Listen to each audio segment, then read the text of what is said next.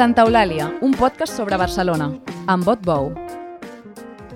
Per parlar d'educació, res millor que fer-ho amb una mestra, i per parlar de la importància que té l'educació i la llengua en la cohesió social d'una ciutat, res millor que fer-ho amb Noemí Rocabert, que va ser, durant gairebé dues dècades, directora de l'escola Mestre Morera a Ciutat Meridiana, un dels barris més pobres de Barcelona. Amb la seva experiència personal i professional, Rocabert ha vist els contrastos d'aquesta ciutat, les diferències, per exemple, entre la Verneda, el barri on va néixer, i Sarrià, el barri on va estudiar. Amb ella parlem avui de com reconciliar Barcelona a través de l'ensenyament l'ensenyament i de la cura de la memòria dels barris. Tot seguit a Santa Eulàlia.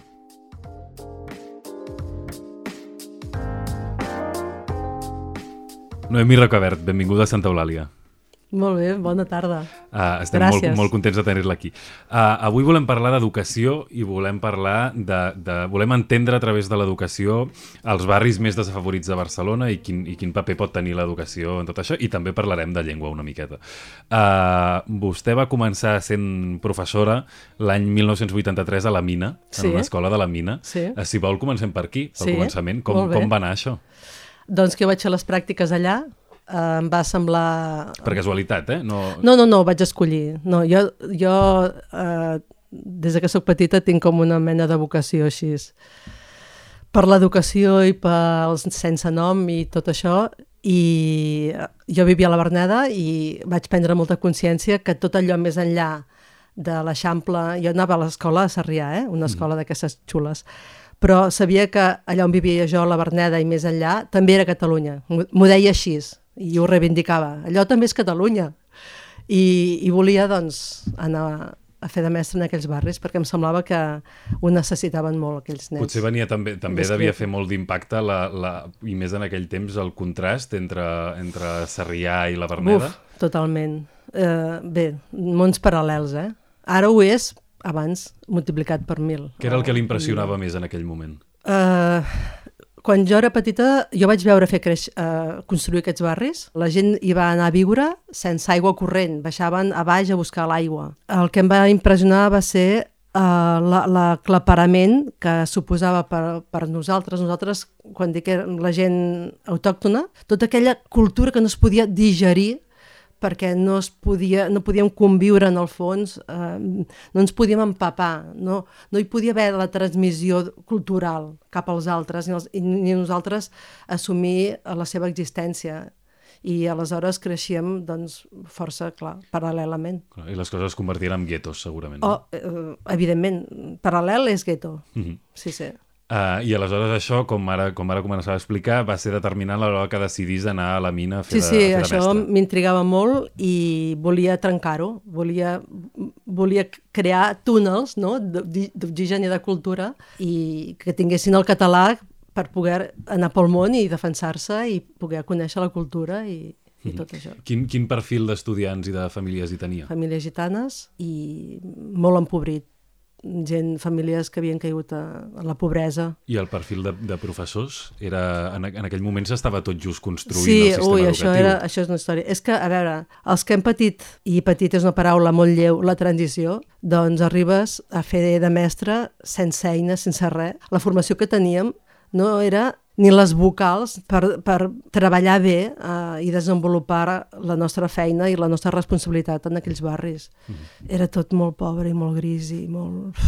A més a més, eh, el que era molt brillant era que quasi tothom era molt entusiasta, però no teníem massa formació i les relacions humanes entre nosaltres i tot estava tan per fer que, eh, que tothom feia el que podia, però no és que no, no, no estàvem formats per tot aquell atzucac, tota aquella adversitat. Mm -hmm. I l'educació dels alumnes suposo que se'n ressentia. Mm, totalment. El, el, on vaig estar jo, de l'any 82 a 85-6, era una escola eh, que era un caos, doncs perquè... Això és Sant Adrià, eh? encara estem? Sí, a la mina. Doncs Uh, hi havia una, una mestra que venia de, no sé si de Lleó, no sé, acabava d'aterrar amb, una, amb una mentalitat molt feixista. Mm -hmm.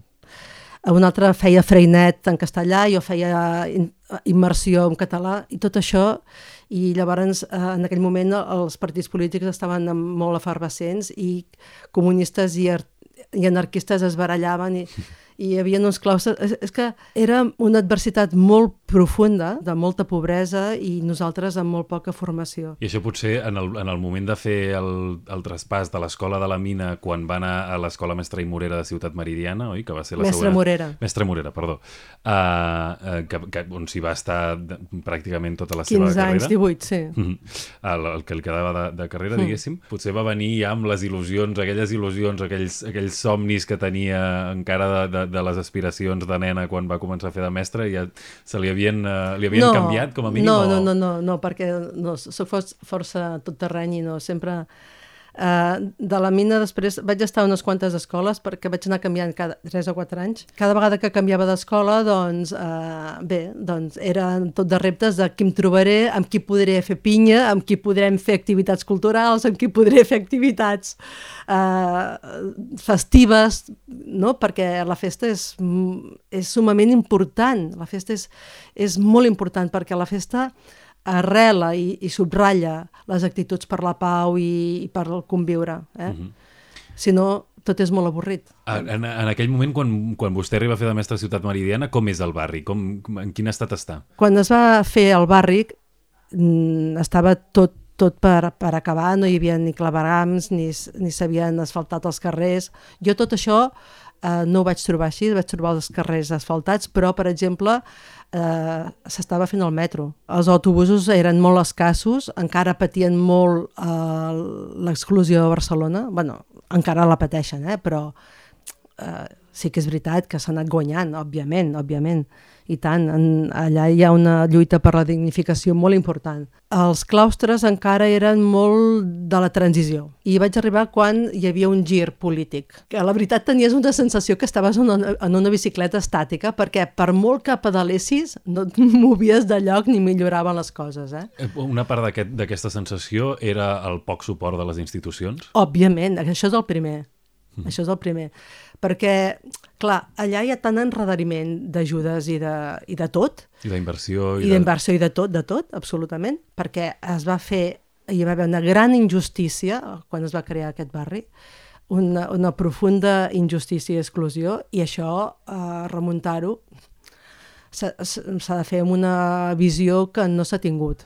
Eh? I amb una voluntat de que allò sigui Catalunya, per entendre'ns, que, que jo no ho he vist. Eh? Tot i que es donen quartos i bueno, ara farem això, però de debò, de debò no és. Potser és veritat que com que aquella gent no, no els vota, no?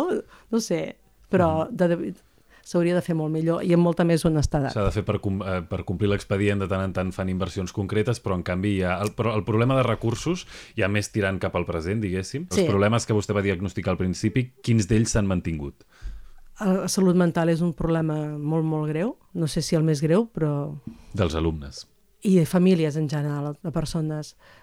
Però d'infants també, eh? Uh, hi ha molta falta d'atenció de salut mental a dins de les escoles. Jo he patit molt això, fins al punt de que hi va haver un moment que uh, em vaig dir, Noemi, què estàs fent?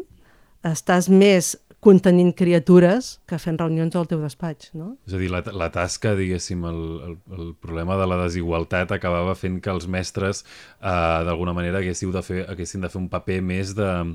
Uh, més enllà de, del purament formatiu i instructiu, un acompanyament mm, òbviament. social. Mm, sí, és que uh, hi, ha, hi, ha molts, hi, ha, hi ha molts fronts, però un, un, la pregunta, l'enigma que mm, et colpeix més el cor és sempre estar en el dilema de a qui, a qui has de defensar, poso entre cometes, si aquell nen que, no, que doncs, té una salut mm, mental feble o en aquell grup de 25 perquè puguin treballar. Si aquesta criatura o esbotza tot un grup, un grup de, de 25, de 20, hi havia molts pocs nens amb una vida digna com volem pels nostres fills. Digna en el sentit d'estable, de pau, de, de, de recursos materials, d'alimentació, o sigui... Aquest, aquest problema de la salut mental dels alumnes en el sentit que un potser que, que està malament pot sabotejar... O, sí, a, bueno, tot, tot emocionalment... Clar, clar. Uh, això, mm, vostè que coneix bé no només la seva escola, sinó també altres centres i el, el món, Mm. diria que és una, una particularitat avui dels, dels centres educatius més desafavorits, de zones més desafavorides? Sí, amb majúscula. I no, I no hi ha hagut una, una... Tant que es parla de la salut mental, no hi ha una xarxa de, psicòleg, de psicòlegs, de, de, sí, hi ha el. Sí, sí, sí. El que passa que no arriben a, a, a res. No tenen prou recursos o quin, quins no, són els ni problemes? recursos ni, ni materials, ni, ni hi ha una política seriosa de, de doblar, triplicar els recursos, que és el que s'hauria de fer. Mm -hmm. eh, també en parlàvem del, del problema de les infraestructures, que, de, la, de la connexió amb Barcelona i amb la resta de Catalunya que ha anat millorant amb els altres anys, al cap dels anys. Eh, quins més hi ha? La- Els edificis, per exemple, l'estat Sí. físic i material dels centres? Sí, eh, avui, avui com, a, com, com està? Com, com ha anat evolucionant això? Els centres han millorat perquè, eh, per exemple, eh, una de les primeres coses que van passar, jo no hi era en aquell moment, però quan es va aixecar el nostre edifici, eh, a l'edifici de l'escola, dic nostre, vull dir, perdoneu, a l'edifici de Mestre Morera, doncs va resultar de la reivindicació de les famílies eh, dels anys, eh, quan es va fer el barri, els 70, eh, perquè eh, l'escola es va fer eh, on ara hi ha l'Escola d'Educació Especial Sant Joan de la Creu, que és un lloc molt opac, opac molt ombrívol i molt humit. I es va reivindicar. Llavors, perquè la canviessin de lloc, en un, en un lloc molt més eh, saludable, que hi toqués el sol i l'aire. I van aconseguir de fer aquesta escola, que està més amunt, que està pràcticament a, a dalt del turó, i van deixar aquella pels nens d'educació especial. O sigui, això imagineu-vos eh, els paràmetres d'aquella de la gent, no? Mm -hmm. de les decisions polítiques que es feien. Eh, aquesta escola es va fer sense clavegaram, d'acord? El primer eh, president de, dels pares va convocar una manifestació amb orinals tallant la meridiana i van aconseguir que se'ls fes les obres. Eh, a part d'això, doncs l'escola, jo vaig arribar-hi i estava ple de forats als sostres i en molt mal estat. Quan plovia omplia amb galledes d'aigua i tot, i ahir eh, van trigar molts anys a, a fer una, les obres i, i ara està remodelat i està molt bé. Mm -hmm. Molts anys, què, vol, què pot voler dir?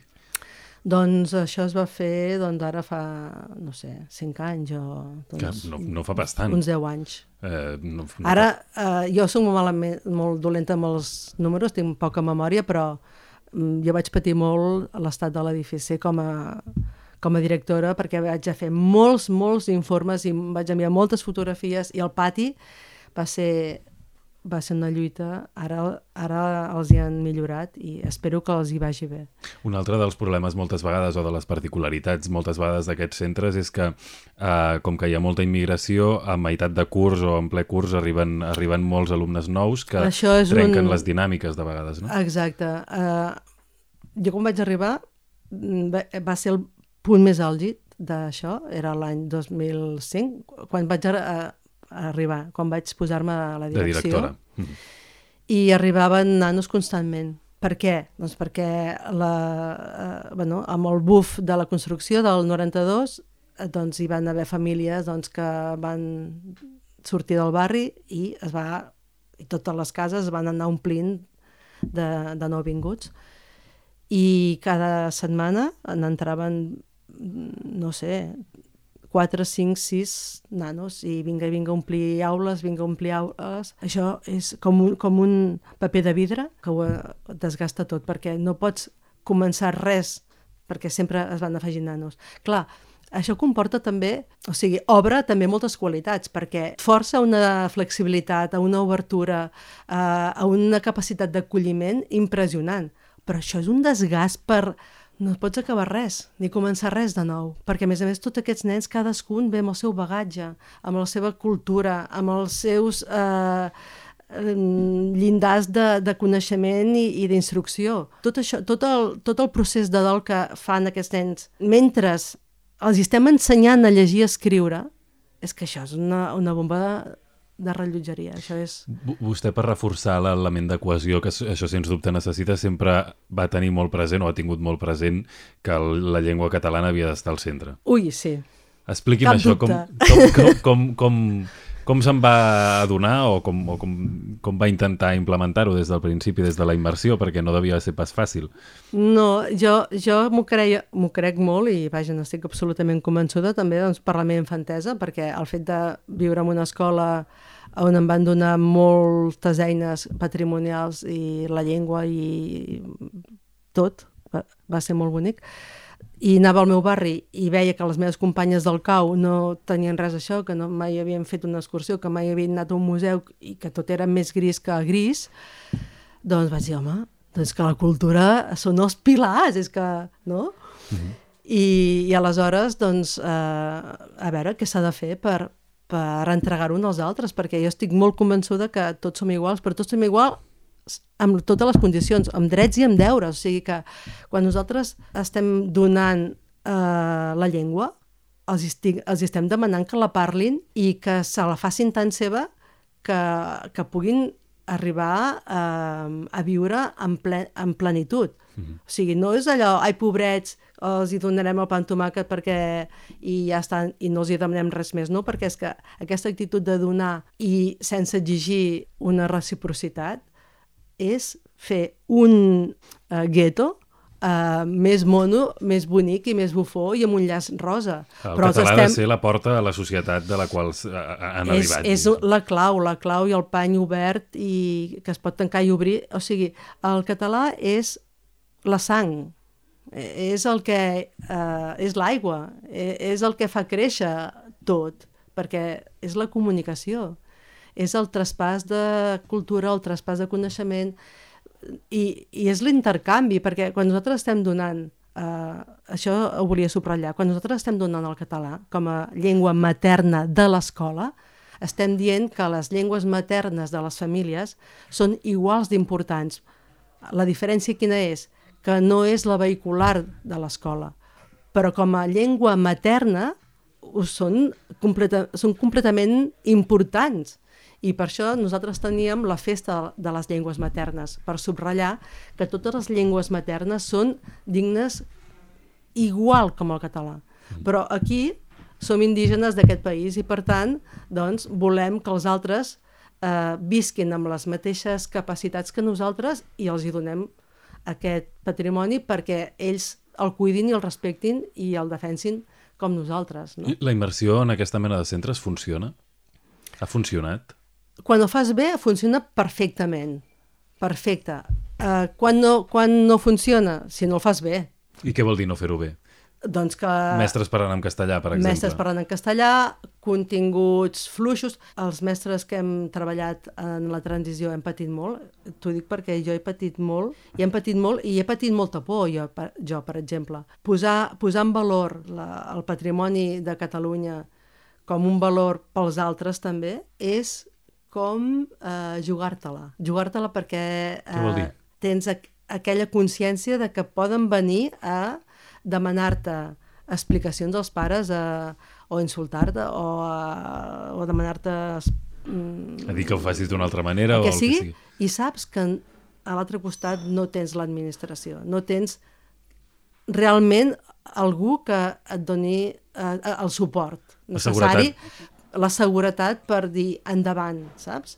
Uh, sents buit, sents un buit. Sents és a dir, el gran problema, tant en el cas de la llengua com en el cas del, de la qualitat educativa, com en el cas del, de l'estat dels centres, de les infraestructures, ha estat una, una deixadesa absoluta de les institucions educatives d'aquest país durant molts anys. Sí. I a, a, a què l'atribueix aquesta deixadesa? Doncs la mateixa por que he tingut jo, potser, doncs els que estaven més amunt i tenien unes responsabilitats polítiques mm, més concretes també la tenien. Què vol dir? Doncs, eh, doncs que no estaven convençuts i, i que tenien, tenien por de, del govern d'Espanya, d'Espanya, i jo mateixa eh, no he pogut fer el, el, o sigui, no he pogut defensar a l'escola el coneixement d'assignatures o de, per exemple, com es treballa la història, no? Uh, per sort, hi ha el, el projecte del Museu d'Història de Barcelona que es diu Patrimonium, que és fantàstic, i quan vam conèixer-lo ens hi vam abocar com a lleones. Però és que és molt difícil en, aquest, en aquests barris, si no estàs en xarxa et mors directament. O sigui, allà un claustre petitet amb 20 mestres que intentem amb tota la il·lusió i l'entusiasme tirar endavant, és impossible. O sigui, o, o tens gent que t'ajuda implicats amb... Vol dir associacions, vol dir... Quin, Associ... Quina mena de xarxa vol dir? Doncs, per exemple, a Patrimonium, no? projectes a, a que tenen un peu en, en els museus, eh, doncs, els del Parc de Collserola, doncs un altre peu. O sigui, necessitem pilars forts que ens puguin regar perquè eh, tot el, tota l'adversitat que suposa, tot el desgast que suposa treballar amb aquella tensió emocional en aquestes escoles, quedi com compensat, quedi com una mica rejuvenit no? o, o, o anhelat no? amb aire més directe no? de, de, d'entitats que estan, no sé, que et poden oferir un, un coneixement molt més directe i dinàmic directament amb el, amb el patrimoni. Ja, ja que parlem del patrimoni, eh, expliqui'ns una mica aquest projecte en què està ficada ara, que em sembla que hi té bastant a veure. Quan vaig entrar a l'escola, de, a, la, a la direcció vaig tenir claríssim de que allà hi faltava la cultura catalana, perquè era una escola que mm, venia de la transició i tot i que hi havia tenia la constància de que hi havia molta voluntat, eh? però és que amb la voluntat no fèiem massa res, no es pot arribar molt doncs eh, vam fer gegants, vam, fer, vam inventar-nos la festa major, vam inventar-nos diades importants eh, que ens connectessin amb el món, no? Doncs el Dia per la Pau, per exemple, eh? eh el Dia de la no violència a les dones, etc. Dies que ens connectessin amb l'univers, amb el món. Eh? Som aquí, existim. Així, connectats.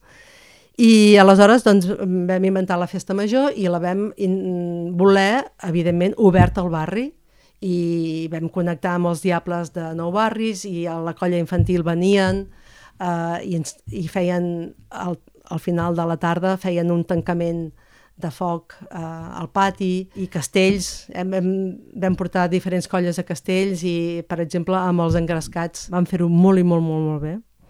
Bé, així. I eh, doncs buscant elements que connectessin amb, amb el registre, amb registres catalans, perquè quan anéssim per Barcelona aquestes criatures poguessin dir «Ei, com l'escola!» eh, no? aquests, aquests vincles, doncs eh, un registre superimportant i que ens connecta amb el modernisme i que la, la història que vaig descobrir d'aquell indret que és Vallbona connecta amb el modernisme és el, trenca, és el trencadís. On el, on el veia el trencadís? Com li va sorgir la idea del doncs, trencadís? Doncs bé, perquè a, a l'escola hi ha un, un passatge de quasi 100 metres i hi ha en uns 67 metres que hi havia una paret allà que m'estava cridant. De maons. Sí, bueno, horrible, de ciment. i, i una de les meves lluites era superar la lletjor de Ciutat Meridiana, no? que és que s'ha fet lletja, o sigui, eh, es va fer lleig al barri per humiliar les persones, us ho puc dir. O sigui, es va fer lleig i es va, es, urbanísticament és horrible i, i pobres veïns, ells no en tenen cap la culpa, eh, que, que pateixen la, la dificultat de, de la comunicació, però els que van pensar-ho no, no estimaven gaire a les persones. Volien mantenir els guetos aquests de què Totalment, és per, són perfectes per mantenir guetos, tenir-los tots tancadets i tots allà, ben, ben així. I llavors, doncs, eh, tot és molt de ciment i tal, i, i una de les meves obsessions era superar això, i pensava, ostres, doncs, quan vaig descobrir la història de Vallbona, pensava, aquesta història s'ha de transmetre, i com que la, la, la cultura del mural és molt important, doncs pensava, ostres, si aquí expliquéssim, doncs féssim una bona vinyeta no? de, de, de la història, seria una finestra oberta doncs, perquè es pogués transmet, transmetre i la gent pogués preguntar-se, veure, tenir referents. No? I què va fer? Vam fer-ho primer, eh, vam recollir vaixelles i, i uh, un artista ens va fer ens va començar per la, a fer la vinyeta de, de la història quan ja havíem recollit eh, vaixella i rajoles i tot de la gent, perquè la gràcia d'aquest projecte és que es fa un mural explicant el patrimoni de la comunitat, de Catalunya o d'on sigui, amb les històries de les famílies. O sigui, amb les teves plats i olles pots i amb les plats i olles i els rajoles dels altres uh mhm. -huh. i dels teus veïns podem explicar la història dels avantpassats, la història que ens aglutina i que ens fa néixer i enfortir el sentiment de pertinença. Mhm. -huh. Sí? Molt bonic. I el, abans, em, això, això passa, té molt a veure amb la història d'aquest barri que és Vallbona, que abans em deia que és un dels més desafavorits, però també un dels més silenciats. Sí, um, sí perquè uh, primer que ja van manegar-ho perquè en lloc de Sant Andreu, que Vallbona era de Sant Andreu, fos de Nou Barris. Van fer aquesta mena de record i pegui. Això amb ells els hi ha anat fatal, jo penso, eh? En els mapes turístics no hi surt perquè, pam, queda retallat. Hi ha eh, Torre Baró, Ciutat Meridiana i Vallbona. Vallbona és el que queda, diguem, per sota l'autopista. I allà és l'origen de, l'origen històric és allà, amb el rec comtal, amb el mas de, del Baró, el senyor eh, Josep Galzaran Pinoza Rocabertí, un defensor de Barcelona que va defensar la ultrança, ell, ell era dels partidaris de defensar la ultrança, que el van capturar i va morir a Burgos. Entremig hi ha moltes històries. Vallbona té, té, té una història, diguéssim, molt tendra, perquè en allà ha sigut un passatge que hi ha, hi ha passat tothom, eh? Ibers, romans, grecs, i tothom, però és que gràcies al senyor Antoni Gómez, que des d'aquí li dono les gràcies, és un avi de Vallbona que m'ho ha explicat tot ell, el que ara és Ciutat Meridiana, que abans era doncs, territori de Vallbona, es feien els maons que després servien per fer l'Eixample de Barcelona. Hi havia tres bòbiles que alimentaven i van fer créixer l'Eixample. Tot això són cordons lombilicals que ens uneixen i, i, i, ens, i, ens, són, i ens fan sentir part de, de la construcció de Barcelona. Mm -hmm. I en canvi hi ha un desconeixement I en absolut. canvi en, uh, això uh, no existeix, o sigui, uh, o sigui, em fa molta ràbia no? que, que hi hagi aquest, aquest desconeixement volgut, perquè uh, en Felip V quan, bueno, per, escarment, per escarment va fer enrunar la casa d'aquest baró, i sort que després, eh, al cap d'uns anys, la seva família va fer-lo aixecar igual, igual a igual, i on era abans, on, on, on era, que més o menys cauria on ara hi ha l'estació de Torrebaró, més o menys. Eh? Mm. I en Porcioles, quan va fer la Meridiana per connectar amb França, igual com es va carregar moltes altres coses, també es va carregar això i no em va deixar rastre. Però hi ha fotografies d'aquesta segona eh, versió de la casa, no? I aquest veí, aquest senyor Antoni, doncs ell hi va anar a escola allà, s'hi va casar i hi ha tota una vida allà, molt fèrtil, amb horts, amb, eh, amb, amb un rec preciós que la gent s'hi banyava, que, bé, que hi convivien, que era eh, la mèdula de, de Barcelona, no? Mm -hmm. que connectava. Això eh, eh, és bonic que, eh, perquè en un moment que la ciutat es va buidant és una, és una, o, que, o que parts molt importants de la ciutat es van buidant eh, pel turisme massificat i per la gentrificació, ens ensenya molt bé com la, la, la importància de la gent que està lligada al seu lloc i que se l'estima i que el coneix, no? Clar. I la lliçó que em poden donar. Exacte, i l'altre dia parlava amb el seu net i ell era molt, molt feliç de dir és que jo he estat un nen feliç perquè he pogut dir que sóc de Barcelona i he jugat al carrer sense vigilar, que ningú em vigilés lliure, saps? Mm -hmm. I, i allà hi ha, hi ha una història de gent treballadora eh, fantàstica. El senyor Antoni era carboner, tenia una carboneria amb no sé quantes classes de carbons, que la repartia arreu de Barcelona, eh, fins a la Costa Brava. Allà a Vallbona hi havia la granja on l'hotel Ritz, eh, de Barcelona sí. eh, s'alimentava de, de, de, les, de les hortalisses i de, dels aliments que es conreaven allà. Mm -hmm.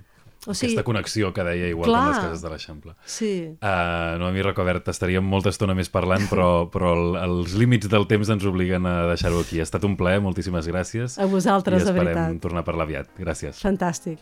Això que ara al final ens explicava Noemi Rocabert ho podeu llegir al Trencadís de Collserola, una acció per l'equitat cultural, un llibre de rúbrica editorial que afirmen ella mateixa i Bernat Rocabert. Pel que fa a nosaltres, eh, podeu enviar-nos suggerències i comentaris al correu santaeulàlia.vilaweb.cat. Gràcies. Santa Eulàlia és un podcast de VilaWeb presentat per Otbou amb Carles Garcia al servei tècnic i a les veus Maria Castanyer.